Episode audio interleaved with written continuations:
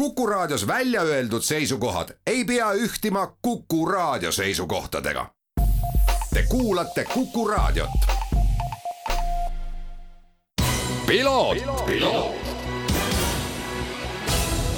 tervist, head Kuku raadio kuulajad, eetrisse läheb järjekordne saade Piloot ja stuudios saatejuht Margus Kiiver. nädalavahetusel on põhjust taas noh, ütleme ausalt, üsna vara ärgata, äh, sellepärast et vormel üks sari jätkub ja vormel üks sari jätkub Austraalias, Melbourne'is. Ja mul on äärmiselt hea meel taas kord stuudios tervitada Tarmo Klaari, võib vist tituleerida vormelispetsialist, vormelikommentaator või millist äh, uhket tiitlit ta ise kannad, sellepärast et ma ise ka alati naeran, et kui ma kuskile lähen, siis mul on ka ikkagi neid tiitleid olnud selline kahe A4 jagu juba erinevates, erinevates kohtades pandud tere kõigepealt, no kutsutagu, kuidas kellelgi süda ihkab, et ma ei oska omale neid tiitleid nii väga panna, sellepärast et ma ei ole ju otseselt vormel ühes ise töötanud, et eh, eks ma selline huviline olen. siis on meid siin stuudios kaks, kuigi ma arvan, et sinu huvi on olnud pikemaajalisem ja tunduvalt sügavam ja sellepärast sa täna siin eh, mu külaliseks ka oled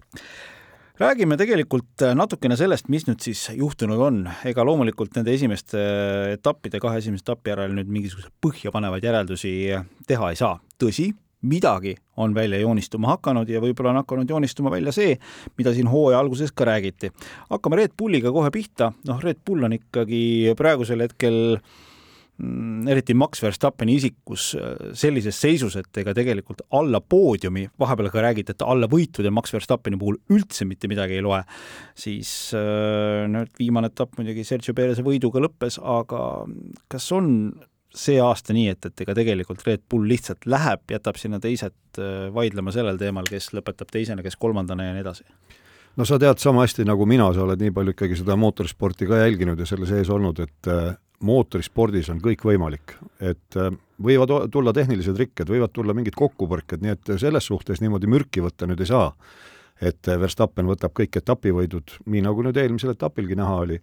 ja teine asi või, või alguse, alguse juurde tagasi tulles, mis sa ütlesid, et ega need jutud ei olegi kuhugi kadunud, vähemalt Verstappeni suu läbi, et äh, teda huvitabki ainult võit. ta ütles pärast eelmist etappi ka, et ma ei tulnud siia mingisuguseid teisi kohti võtma. nii on nii on, ega tema on, tema on selline absoluutne maksimalist ja ega tegelikult äh, juba eelmisel aastal ma vaatasin väga huviga, et mismoodi nagu ikkagi tegelikult meeskond töötab ainult ühe sõitja nimel. et noh, midagi, midagi ei ole teha, Sergio Perez äh, ja Sergio Perez'e fännid võivad siin äh, tuld sülitada, aga nii on, et see meeskond on ehitatud ühe sõitja ümber, see on Max Verstappen. jaa, põhimõtteliselt nii see on, et eriti just eelmise aasta algus oli näha, et kui hakkasid äh, siis kehtima need uued tehnilised tingimused, õigemini rajale pidi tulema uued, uutele tehnilistele tingimustele vastavate autodega, siis äh, esialgu vähemalt Perezele sobis paremini see Red Bull. tema tulemused olid paremad ja paistis, et Max Verstappen oli tõsiselt hädas ja tegi võistkond tööd ja ühel hetkel nii-öelda lauad pöördusid ja äh, ei olnud enam nii väga rahul Perez, nii et tõepoolest on seal Max Verstappen selline ütleme, perekonna lemmik ja talle nii mõndagi andestatakse, mida võib-olla mõnele teisele ei andestata, või siis kui ta mingisuguse noh, kuidas öelda siis, lapsusega hakkama saab või, või veidi imelikult käitub, siis seda püütakse igati siluda, meenutame kas või eelmise aasta Brasiilia etappi, kui ta ei lasknud endast mööda Perest. kuigi Peres oli tema heaks kõik teinud ja on varemgi kõik teinud, mitte ainult sellel etapil nii on. aga räägime natukene nüüd sellest jah, sellest viimasest etapist korra, et äh, selgita mulle ja kuulajatele, et äh, noh, tegelikult oli Red Bulli meeskonnal võimalus mängida asjad rahulikult niimoodi, nagu nad tavaliselt oleksid ka mänginud, Perez võtab natukene hoogu maha, Max sõidab mööda, võidab etapi, kõik lähevad rõõmsalt edasi, Perez saab kuu lõpus äh, pangaarvele taas kord kopsaka summa raha, kõik on nagu rõõmsad, aga ei läinud nii. Ei läinud ja paistab niimoodi, et Perez on endale hakanud arvu andma, et äh, tegelikult ega peale Red Bulli tal nähtavasti oma edasises karjääris tippvõistkonda asja pole ja praegu ongi tal võib-olla isegi viimane võimalus sel aastal ikkagi tiitli eest võidelda. Ja kuna auto seda võimaldab, siis ta maksimaalselt seda ära püüab kasutada ja no seda on ta oma isa välja öelnud ja lõppude lõpuks ikkagi, milleks ta seal siis on, ta ei ole tegelikult selleks, et lihtsalt ka teiseks tulla. Nii et e, ütles ta ju seda ka eelmisel aastal välja, et tema eesmärk on ikka maailmameistritiitel võita ja noh, ei saa arvata, et ta oleks seda tüüpi vend, nii nagu omal ajal oli Eddie Irvine siin üle kahekümne aasta tagasi, kes teadlikult läks Michael Schumacheri kõrvale number kaheksa kui tal see võimalus üheksakümne üheksandal aastal avanes, kui Michael Schumacher haiguslehele jäi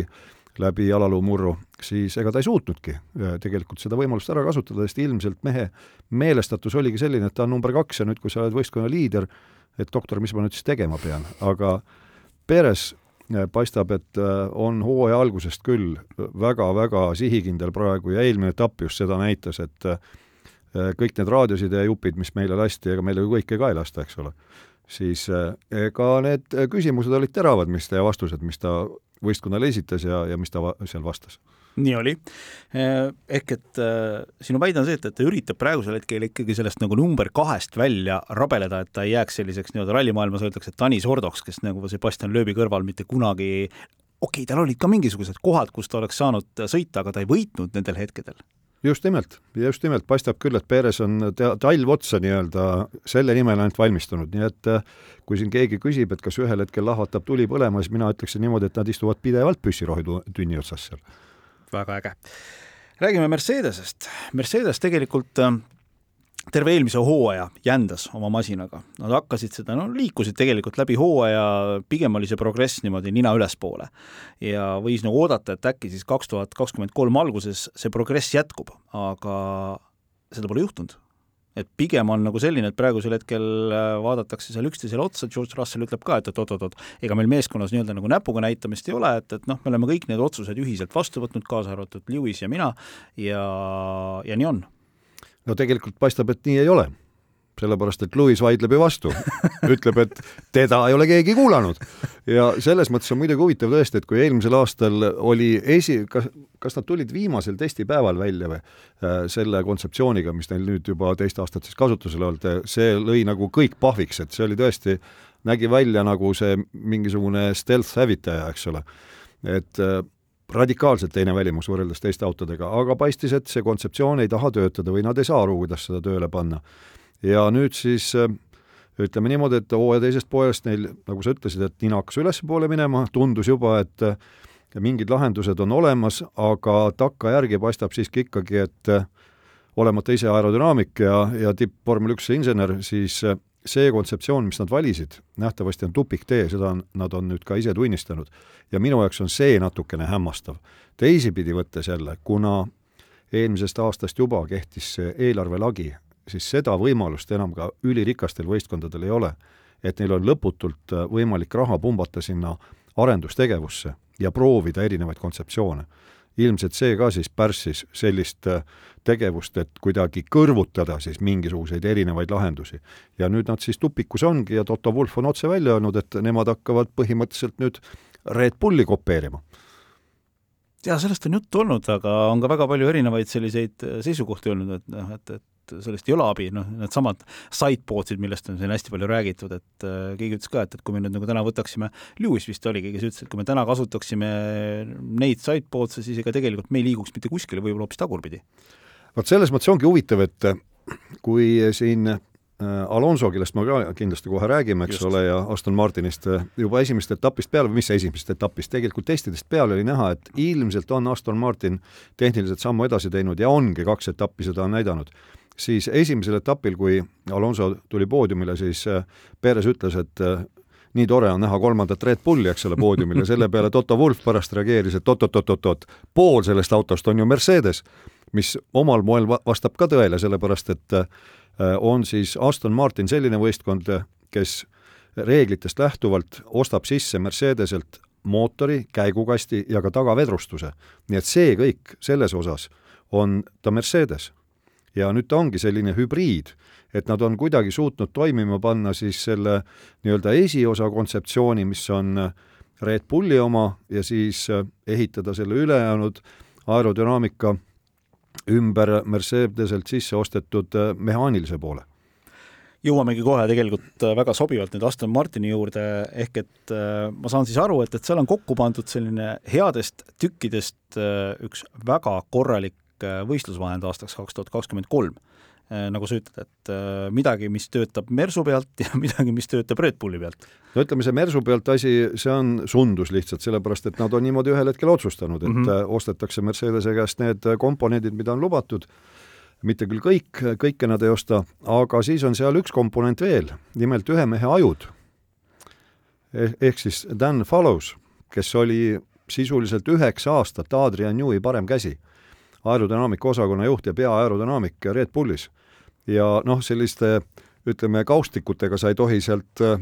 eelmisest võistkonnast või eelmise tööandja juurest ära tulla ja, ja läpakate hunnikutega või, või siis kõvaketastega. aga see, mis sul omal kõrvade vahel selle allolluse külge kinni on jäänud või, või uitab seal kuskil, ega seda ei saa keegi keelata, et sa seda kasutad ja noh, nüüd, kui siin vahepeal oligi juttu ka Red Bulli pealt, et umbes niimoodi, et noh, räigelt kopeerivad ja, ja alatu tegu ja siis kuidas seda keelata saab, mõtleme kas või sellesama Adrian Newey peale, kes omal ajal Leighton House'ist äh, palgati Williamsisse, siis tegelikult äh, see Williams, millega hiljem Nigel Mansell võitis äh, Williamsile vormel üks tiitli, oli Leighton House'i edasiarendus, sellepärast et noh, see oli tema kontseptsioon. ja sama on Dan Fallowsiga, et ta on Red Bullist tulnud ta oli tükk aega, nagu öeldakse, nendel aiandustöödel, see inglisekeelne väljend äh, gardening, gardening leave, ehk siis eelmise aasta aprillist sai ta tööle hakata, mis tähendab seda, et tema panus on nüüd just nimelt tänavuse auto juures. ta sai seda kontseptsiooni hakata lahendama. ja see oli tal üks äh, muutumatu suurus, millega ta pidi arvestama, et Mercedeselt on meil vot need tükid ostetud. ja need lähevad auto külge. ja nüüd palun tehtagu siis selline auto, mis on kiire. no ja siis ta kuidagi nüüd on need kokku vorminud seal. Ja, ta, muidugi mitte tema üksi, seda peab täpsustama, seal on tohutult inimesi tööl. jaa, loomulikult seal on äh, tohutult inimesi ja seal on ka ressurssi, aga taaskord saame, jõuame sinna, et ega see ressurss ei ole lõputu, piirangud on peal äh,. Alonso üle mul isiklikult tohutult hea meel, et äh, sama siin, kuigi pole kunagi olnud Alonso fänn aga, näha on, et kuidas nelikümmend pluss härrasmees lustib, kuigi tegelikult ma tooksin välja ka Lance Strolli kes, kelle hooaja algus oli ju väga-väga raske, äh, ei osalenud ta hooajaeelsetel testidel tänu sellele, et ta mägirattaga kukkus, murdis seal erinevaid luid oma kätes ja, ja naases rajale ja ütleme nii, et, et niimoodi kokku lapituna tulla ja sõita sinna esiotsa, see näitab kõigepealt ka muidugi Lance Strolli enda sisu. ei, näitab kindlasti ja ütleme, Lance Stroll on nüüd seda tüüpi sõitja, kellel võib-olla seda Äh, stabiilsust ei ole piisavalt, et pidevalt teravas tipus olla, aga siin äh, möödunud aastate jooksul ka ta on ju tegelikult näidanud, et ta on võimeline kiiresti sõitma, et ei ole pelgalt see küsimus, et äh, papa on tiimi omanik ja tänu sellele ta seal istub. loomulikult tänu sellele ka, aga sõidumees on ta ikka ka. jah, seda küll no meil vaikselt hakkab aeg lõppema, aga proovime nüüd siia lõppu kokku panna kaks asja. Äh, eesootav Austraalia, Melbourne tänavarada ja Ferrari, mida me tegelikult üldse ei jõudnud äh, siin käsitleda, et kuidas, kuidas sa pakud või mis sa arvad, mismoodi võiksid jõud äh, jaguneda siis Austraalia etapil? no eks ta jälle selline määramatu asi on, sellepärast kõik need kolm etappi, siis esimesed kolm etappi on omaette erinevad ju et kui Bahrein oli selline justkui klassikaline ringrada, aga tohutu abrasiivse kattega, siis äh, Jeddah ringrada oli jälle harva kasutusel olev tänavarada ja põhimõtteliselt on sama ka Austraalia, Melbourne äh,. asfaltkatted on erinevad, klimaatilised tingimused on erinevad, nii et seda on nüüd raske öelda, mis puudutab tehnilist ettevalmistust, siis jällegi nägime, et haavatav on Red Bull, haavatav on äh, Ferrari, aga teised, et äh, selles mõttes äh, väga raske ennustada nüüd, kellel nii-öelda need sõiduristad koos püsivad, aga mis jõudude vahekorda puudutab, siis ma ei usu, et see nüüd väga oluliselt muutunud on selle kahe nädalaga, et küllap ikka Red Bull põhimõtteliselt on teistel kergelt eest ära, siis tuleb teiste ees kerge vahega ja Red Bullist loodetavasti mitte liiga palju maas Aston Martin ja siis pusivad seal omavahel Mercedes, Ferrari, Alpine, mina ennustan niimoodi. ja muidugi see keskmike punt seal veel edasi, äh, no see on väga-väga tihedalt koos no aga Ferrari koht on praegu selline, kus nad ju tegelikult kindlasti olla ei taha, uuel tiimipealikul on keeruline, ega ta on noh, mingit imet ka ei tee, sest ta tegelikult sai ju päranduseks selle auto endale, et ta peab sellega hakkama saama. no nii ongi, et, et ütleme, kes niimoodi põgusalt jälgivad, neile teadmiseks, et ega siis see auto ehitatakse ju valmis mitte nüüd talvekuudel. Selle, selle ehitus käib ikka pikalt, see hakkab äh, mingist hetkest nüüd kuskil võib-olla juba praegu. Paljud asjad, noh, see info, mis saadakse rajalt, see talletatakse, mõeldakse läbi, mida saaks paremini ja aktiivne autoehitus läheb lahti ikkagi juba maikuust. nii et kontsept, kontseptsioonid pannakse paika, sest need süsinikulamindadest, süsinikjõust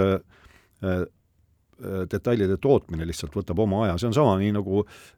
betoonist, ehitiste ehitamine, et betoon lihtsalt kivistub teatud aja, mitte midagi ei ole teha, sa ei saa seda kuidagi kiirendada. et äh, Ferraril on jah, see häda majas tegelikult, et pärast Pinotto lahtilaskmist, ütleme otse,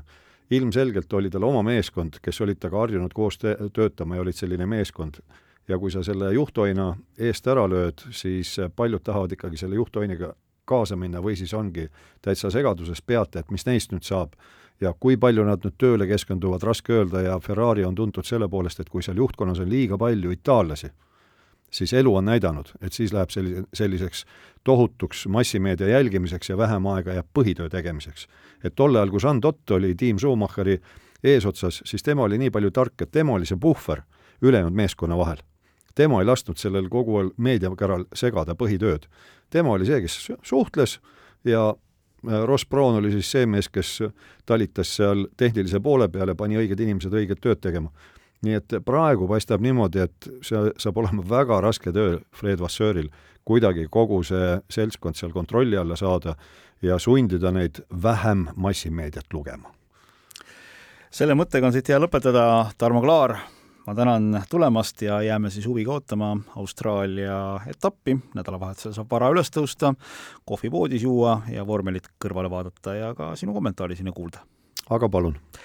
selline oli saade täna, mina olen saatejuht Margus Kiiver, kohtumiseni nädala pärast! piloot, piloot.!